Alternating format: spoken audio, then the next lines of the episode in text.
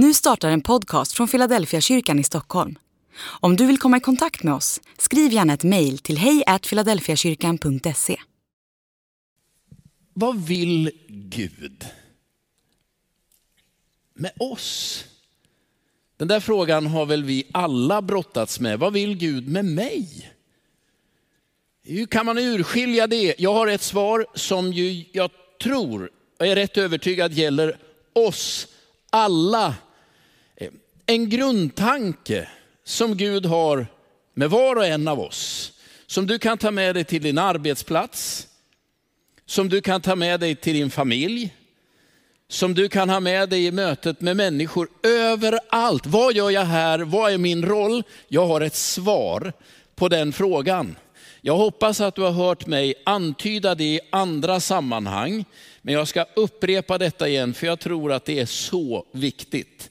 Jag ska ta med er till en berättelse ifrån första Moseboks tolfte kapitel. Och där ska jag läsa vers 1 till vers 7. Så här står det. Och Herren sa till Abraham, lämna ditt land, din släkt och ditt hem och gå till det land som jag ska visa dig. Jag ska göra dig till ett stort folk. Jag ska välsigna dig och göra ditt namn så stort att det brukas när man välsignar. Jag ska välsigna dem som välsignar dig och den som smädar dig ska jag förbanna. Och alla folk på jorden ska önska sig den välsignelse som du har fått. Det finns en översättning som jag tycker är bättre. Jag ska strax fortsätta läsa. Jag måste kommentera det här. Eh, och det stod i 1917 och finns i de flesta andra översättningar. Där står det genom dig ska alla folk välsignas. Har nu kvar den i tanken. Genom dig ska alla folk välsignas. Abraham bröt upp som Herren hade befallt och Lot följde med honom. Abraham var 75 år när han lämnade Haran. Han tog med sig sin hustru Sara, sin brorson Lot, all egendom och alla slavar som de hade förvärvat i Haran. Så började de sin vandring mot Kanan. När de kom fram till Kanan, det är dagens Israel, fortsatte de in i landet ända till den heliga platsen vid Shechem, till orakelterebinten. Vi kommer tillbaka till den. På den tiden bodde kananéerna i landet. Herren uppenbarade sig för Abraham och sa, åt dina ättlingar ska jag ge detta land. Abraham byggde där ett altare åt Herren som hade uppenbarat sig för honom. Vad är Abrahams uppdrag? Vad kallar Gud Abraham till? Jo, det var det jag, jag korrigerade lite i den här översättningen. Gud säger, jag ska välsigna alla folk genom dig. Det är den övergripande kallelsen för Abrahams liv. Och om du undrar vad jag nu menar är allas vår kallelse, så är det samma sak. Genom oss ska Guds välsignelse nå alla folk. Och om du tänker det är lite för stort, tänk då dina grannar, din familj, din arbetsplats, de som är runt dig. Vad är Guds tanke när han kallar Abraham? Jo, det är att välsignelsen ska nå fram till alla runt omkring. Jo, Gud säger jag ska välsigna dig. Det är väl alltid så. Det finns någonting i detta för Abraham själv. Men den välsignelse du ska få, den ska sippra vidare till alla runt omkring dig. Abrahams kallelse och jag menar vårt uppdrag, vi ska välsigna den här staden, vi ska välsigna det här landet, vi ska välsigna den här världen. Det är Guds kallelse till oss. Kort, bara kort historisk reflektion. Är du ny i kyrkan, då kan du liksom tänka att det här är nog för de invigda, för det är det. Om man backar vår historia i frikyrka inte minst, men i kyrkan generellt sett, så är det inte Abraham-berättelsen som har varit den viktiga för oss. Jo, den har vi läst. Men det har nog varit uttågsberättelsen. Ni vet när Gud kallar Mose och leder folket ut ur slaveriet genom öknen, Röda havet, öknen och så in i det förlovade landet. Så tänkte många av oss att Gud gjorde med oss också. Han kallade oss ut ur slaveri och så tog han oss genom en ganska mödosam vandring, men vi är på väg till ett förlovat land. Vi tänkte att vi får lämna den här världen lite bakom oss. Vi behöver lämna en ogudaktig kultur bakom oss och så ska vi liksom ta oss härifrån. Det där, det där finns ju i rätt många sånger. Jag har brottats lite med dem där. Men när vi döper här så brukar vi ibland sjunga, jag lämnar världen och följer Jesus. Känner ni igen den, några av er? En ännu äldre sång är ju eh, O må ingen bli tillbaka här i denna mörka värld. Problemet är att det är väldigt många av er som inte tycker det är så mörkt här i världen. Det är rätt trivsamt. Men vi sjunger ändå ibland. Men om du undrar var kommer den där, den där tanken att vi liksom är på väg härifrån, var kommer den ifrån? Den kommer ju från berättelsen om uttåget ur Egypten. Och jag uppfattar att många av oss personligen har behövt göra ett sånt uttåg. När jag blev kristen så insåg jag att det är saker jag vill lämna bakom mig. Som jag inte vill ska vara en del av min framtid. Det är viktigt. Några av er som sitter här, ni är just i det där uppbrottsläget. Jag ska resa mig upp och det liv jag har levt, det behöver jag lämna och jag ska in i något annat. God tanke, den är viktig. Men om man höjer blicken lite grann så finns det ju en, en berättelse som är tidigare än uttågsberättelsen. Och lyssna nu, ännu mer grundläggande än uttågsberättelsen. Och det är berättelsen om Abraham.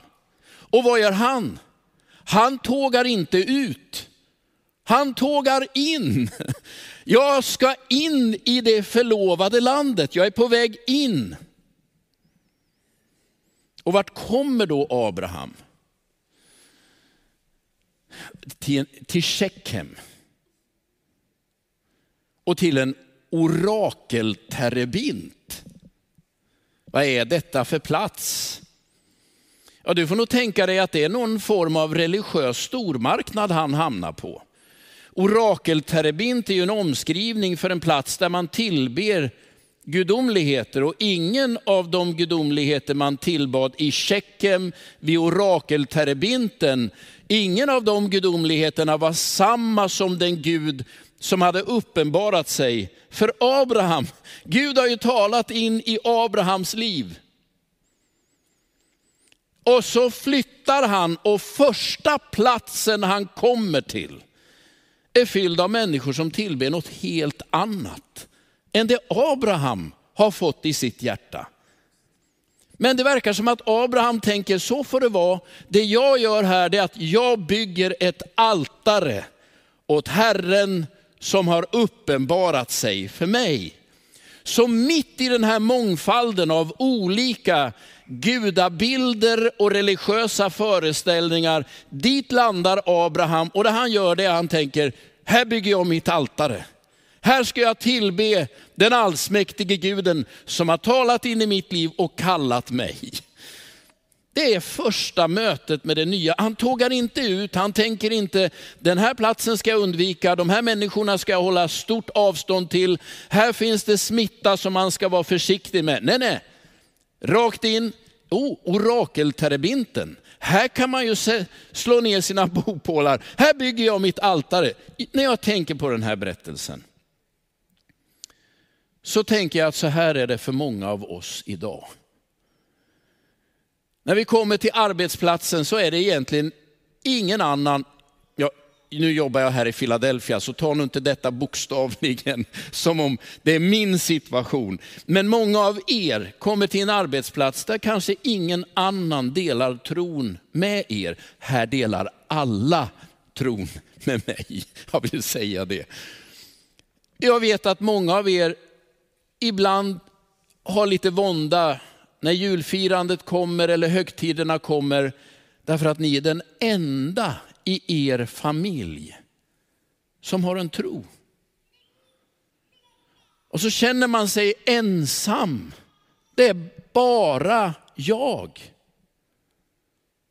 Tänk då på Abraham, som på Guds uppdrag, som den ende och den förste, tar plats vid orakelterebinten i Shechem. Och han bygger sitt altare där. Och han vet att mitt uppdrag bland de här människorna är att välsignelsen genom mig ska nå dem. Jag skulle vilja slå ett slag för Abrahams berättelsen. Att du skulle göra den berättelsen till din. Så här säger Paulus i Romarbrevet kapitel 4. Vers, jag läser bara vers 16. Romarbrevet 4 och 16. Därför är tron grunden för att nåden ska gälla och löftet står fast för alla hans efterkommande. Inte bara för dem som håller sig till lagen, utan också för dem som har tro som Abraham. Han är allas vår far. Vad säger Paulus? Jo, men han säger att alla vi som sätter vår tro till Jesus, vi är släkt till Abraham. Han är vår far. Och med det säger han, det löfte som låg över Abrahams liv, det ligger nu genom tron över våra liv. Jag vill bara upprepa igen, vi som nu, några av oss lite äldre, har levt med uttågstanken. Man ska lämna sammanhang och människor och miljöer. Nej, kanske är det dags att vända på det och tänka, nu ska vi kliva in. Och även om inte en enda av dem jag möter delar min tro, så har jag rest ett altare i mitt hjärta åt Fader, Son och helig ande. Om människor tillber andra saker är det inget bekymmer. Min roll i detta sammanhang är att välsignelsen, himlens välsignelse, den ska komma till de här människorna. Vi är i visionshelg och jag skulle vilja rusta dig tankemässigt med den här bilden av ditt liv oavsett dina omständigheter. Oavsett var du finns och hur det ser ut. Kliv in. Ta plats. Och även om ingen annan delar din tro, var inte så bekymrad. Tillbe Gud i ditt hjärta. Och tänk att genom mig har nu välsignelsen tagit plats i det här grannskapet, på den här arbetsplatsen, i min egen familj. Jag har ju begravt många människor i mitt liv som pastor. Jag har haft mer än en begravning. Då det har varit den enda troende i familjen. Ni vet en äldre mormor, farmor eller morfar som går hem till Gud och så samlas familjen och så inser man att tron, den gick inte vidare. Och så har jag hört hur familjen talar om den som nu har lämnat. Och många gånger har jag hört barn och barnbarn med viss sorg säga, vem ska nu be för oss? Vem ska jag nu ringa när jag har bekymmer? Det är som att en välsignelse har försvunnit. Du behöver inte trycka din tro på andra människor. Det räcker att du bara är där. Och är det i din familj så behöver du inte säga någonting, de vet ändå. Men det du ska tänka det är att Guds plan med dig på den plats där du är, är att välsignelsen ska komma till andra människor. Det är en storslagen tanke. Var du än är, hur det än ser ut. Ja, men det här med välsignelse och förbannelse, de där orden, vad betyder de egentligen? Nu har du hört mig säga välsignelse och ni som är vana vid kyrkan, ni tänker, ah, jag har lite koll på det. Men när man läser berättelsen innan Abraham, så får man en känsla av vad det handlar om. Det börjar ju med Adam och Eva, kort bibelkunskap här. Det är ju någonting som går alldeles fel i deras relation med Gud. Och när Gud möter Abraham och Eva efter deras syndafall, då säger Gud, förbannad ska marken vara. Tistlar och törnen ska den bära, i ditt anletes svett ska du bruka jorden och sen ska du åter bli till jord. Det låter som att det är Gud som uttalar förbannelsen. Jag tror att det är lite fel. Du ska nog tänka att det är snarare så att Gud uttolkar vad som nu händer. När människor vänder Gud och hans ordningar ryggen, då kommer tistlar och törnen in i bilden. Det är ju bildspråk för en skörd man inte vill ha, ett resultat man inte har önskat. Och så mycket kan jag säga att jag själv har erfarenhet av det. Jag tänker att varenda människa har erfarenhet av det. Så kommer nästa berättelse som handlar om Kain och Abel, två bröder. Och när jag nu läser den berättelsen så tänker jag på ryssar och ukrainare. Två brödrafolk som nu förgör varandra. Hur är det möjligt? Ja, så ser ju vår mänskliga situation ut. Och många av er som sitter här vet att de djupaste såren man får i livet, de får man i familjen. Och när Kain slår ihjäl sin bror,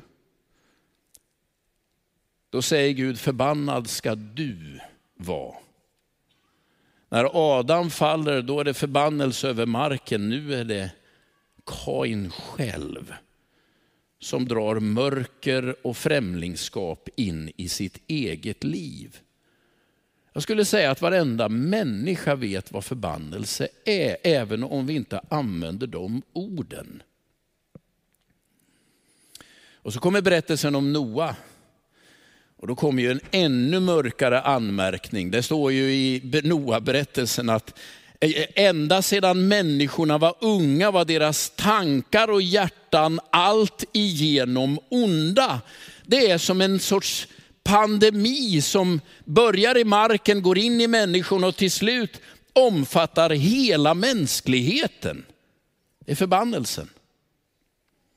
Och så när man har läst de elva första kapitlen så tänker man, är det så här det ska vara? Nej, det är då Gud kallar Abraham. För Gud har en annan tanke med den här världen. Det är inte att förbannelse, tistlar, törnen, brodermord och mörker och syndafloder, att det är det som ska dominera.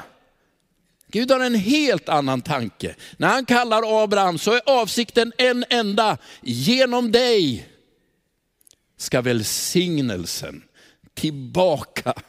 Och genom dig ska jag välsigna alla folk. Det du ska tänka. Vad vill Gud med dig? Och med dig vill Gud välsigna alla människor. Var inte så bekymrad om de inte delar din tro, din, dina värderingar eller tänker överhuvudtaget i religiösa kategorier. Du är där och i dig är Guds välsignelse rent fysiskt manifesterad. Du har det i dig. Du som tror på Jesus. Du behöver inte uttolka det, du behöver bara vara där. Genom dig finns en välsignelse i din familj. Finns en välsignelse för din arbetsplats, finns en välsignelse i trappuppgången där du bor. Du är kallad att välsigna. Det är ju det här Paulus själv skriver om i sitt liv. Det är första Korintierbrevet kapitel 4. Det kommer vid några olika tillfällen, jag väljer några. Första Korintierbrevet kapitel 4, vers 11 och 12. Han säger, ännu i denna stund hungrar och törstar vi. Vi saknar kläder, blir misshandlade, är hemlösa och arbetar hårt med egna händer för att försörja oss. Man smädar oss och vi välsignar. Hör du vad Paulus säger? Han verkar ha beväpnat sig tankemässigt. Här är livet ganska kärvt. Folk smädar oss, men vi välsignar. Det är vad du är kallad att göra också. Jag får ta ett till. Första Petrusbrevet kapitel 3. Första Petrusbrevet kapitel 3. Vers 8 till 10. Nu blev det kapitel 5 ser jag, det ska vara kapitel 3. Om ni undrar varför ja, den inte dykt upp där. Kapitel 3, jag har skrivit fel. Jag läser, vi får se om du hinner ladda upp det här. Första Petrus kapitel 3, vers 8-10. Till sist, ni ska alla leva i endräkt och inbördes förståelse, i broderskärlek, barmhärtighet och ödmjukhet. Löna inte ont med ont eller skymf med skymf, utan tvärtom välsigna. Ty ni är själva kallade att få välsignelse. Den som älskar livet och vill ha goda dagar, han ska avhålla sin tunga från det som är ont och sina läppar från svekfulla ord. Det är, ju goda råd, men de är inte så lätta att hålla sig till. Men, men vad, vad är det vi ska tänka? Ja, jag är själv kallad att bli välsignad. Om du landar där, som Gud kallar Abraham och säger, Abraham jag ska välsigna dig. Och sen tar han nästa steg och säger, genom dig ska alla folk välsignas. Det är ju den tankekedjan Petrus har. Du är ju själv kallad att bli välsignad. Så välsigna andra. Vad är välsignelsen då? Jag brukar falla tillbaka på den aronitiska välsignelsen som vi använder i avslutningen på varenda gudstjänst. Herren välsigne dig och bevare dig. Herren låter sitt ansikte lysa över dig och vara dig nådig. Herren vänder sitt ansikte till dig och give dig frid. Känner ni igen den? Vad, är välsignelse? Ja, det är när någon vänder sitt ansikte till en och låter det lysa över en. Hur ska jag välsigna andra människor? Jag ska vända mitt ansikte till dem. Jag ska låta mitt ansikte lysa över dem. Det är precis som Gud gör, så gör jag med andra. Jag avhåller min tunga från allt ont. Jag tänker att det är nåd och det är frid jag vill föra med mig till andra människor. Det blev fel, det här blev inte bra, men av mig får du nåd. Och vad vill du? Jag skulle önska fred och frid. Det är enkelt att välsigna andra människor. Titta dem i ögonen, le lite och hälsa. Varje gång jag gör det, jag brukar gå runt innan gudstjänsten, så tänker jag att jag pratar med er om allt möjligt, men jag vet att det är en välsignelse. Det är så man välsignar. Titta på folk, le lite grann, hälsa lite, fråga hur det är. Och tänk att nu opererar gudomlig välsignelse genom mig i mötet med människor. Ni hörde vad Andreas sa när han möter pastorn i Butja. Det är viktigare än att ni kommer med pengar och mat, är att ni bara är här. Man tänker när man som svensk hör det, vad menar han? Men att någon visar sitt ansikte, sin uppmärksamhet och låter det lysa och det där förstår de som har varit utsatta för svarta ögon och bortvända ansikten och hot och våld. När det kommer någon med goda ögon som bara lyssnar. Det är välsignelse. Jag har ju sagt det när jag åker till Afrika och sitter och hör människor i de mest utsatta delarna och tänker, vad ska jag göra? Så är ofta svaret, du är här. Ni är här. Ni har inte glömt oss. Det är välsignelse. Gud låter sitt ansikte lysa över dig. Han vänder sitt ansikte till dig. Du är en välsignad människa. Ta den med dig. Det är så många som har tistlar och törn i sitt liv, som har fiendskap mellan bröder och där man upplever att allt är mörkt. Ett lysande ansikte. Det kommer göra hela skillnaden.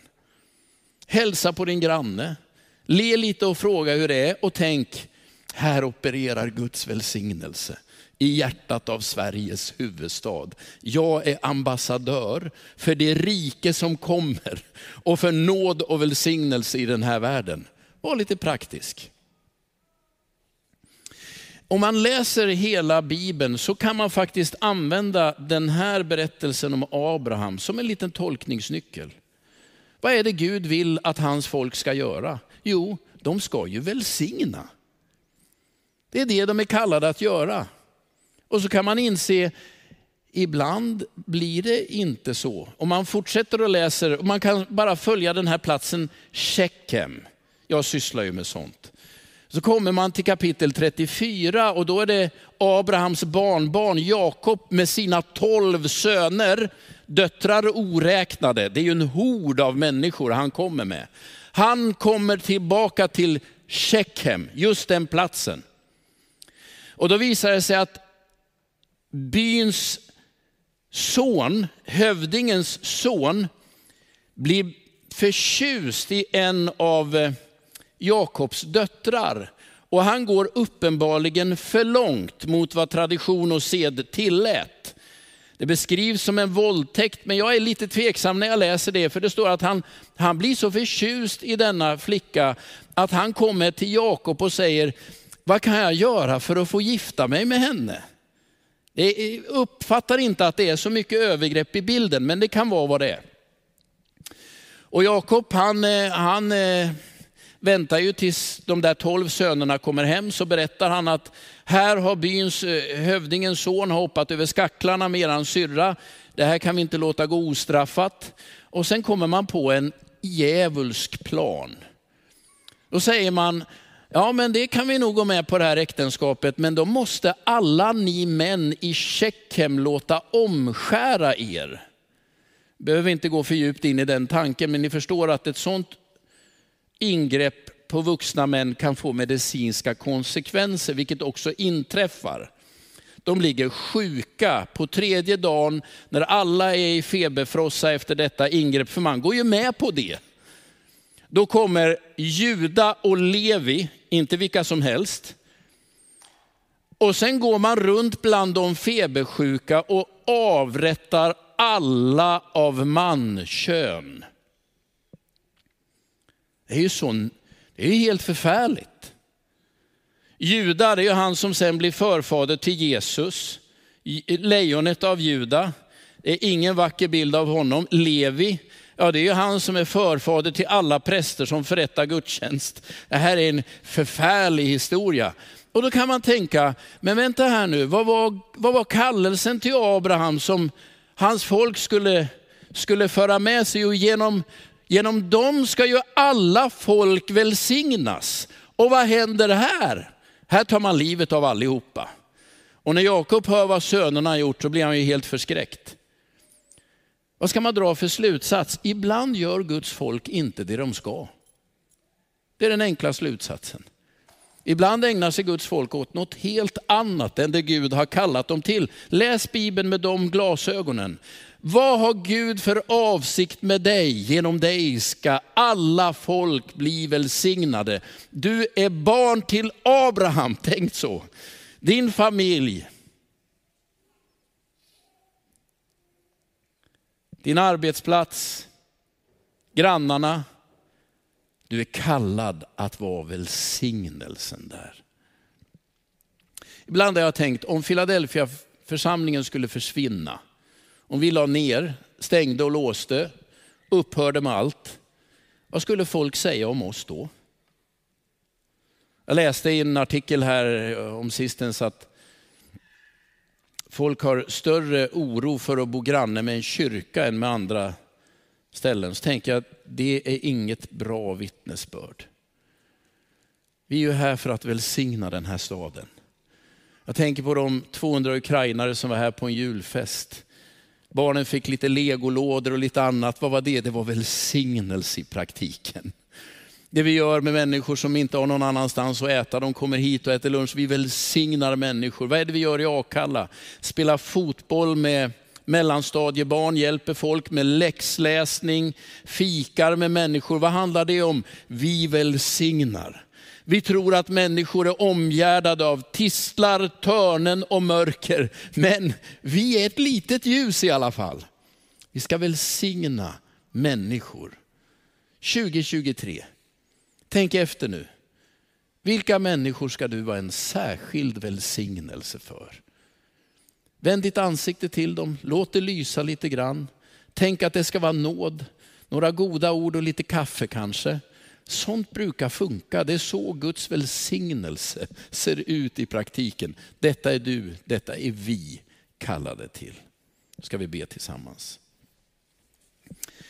Herre Jesus Kristus, jag ber att vi ska kunna leva som en välsignelse. Du vet att många människor idag kämpar. Konflikt i familjen, svårt att hålla ihop. Tistlar och törnen. Det blir inte den skörd jag vill ha av mitt liv. Och du vet att vi själva har de upplevelserna med oss. Men du har inte kallat oss till förbannelse utan till välsignelse. Så jag ber dig Herre, hjälp oss att välsigna. Hjälp oss att själva bli välsignade men att också vara välsignelser. Tack för det uppdraget, den kallelsen, att det ligger kvar. Och vi ber 2023, låt det bli ett år då, då din välsignelse strömmar från den här platsen och från våra liv. Amen.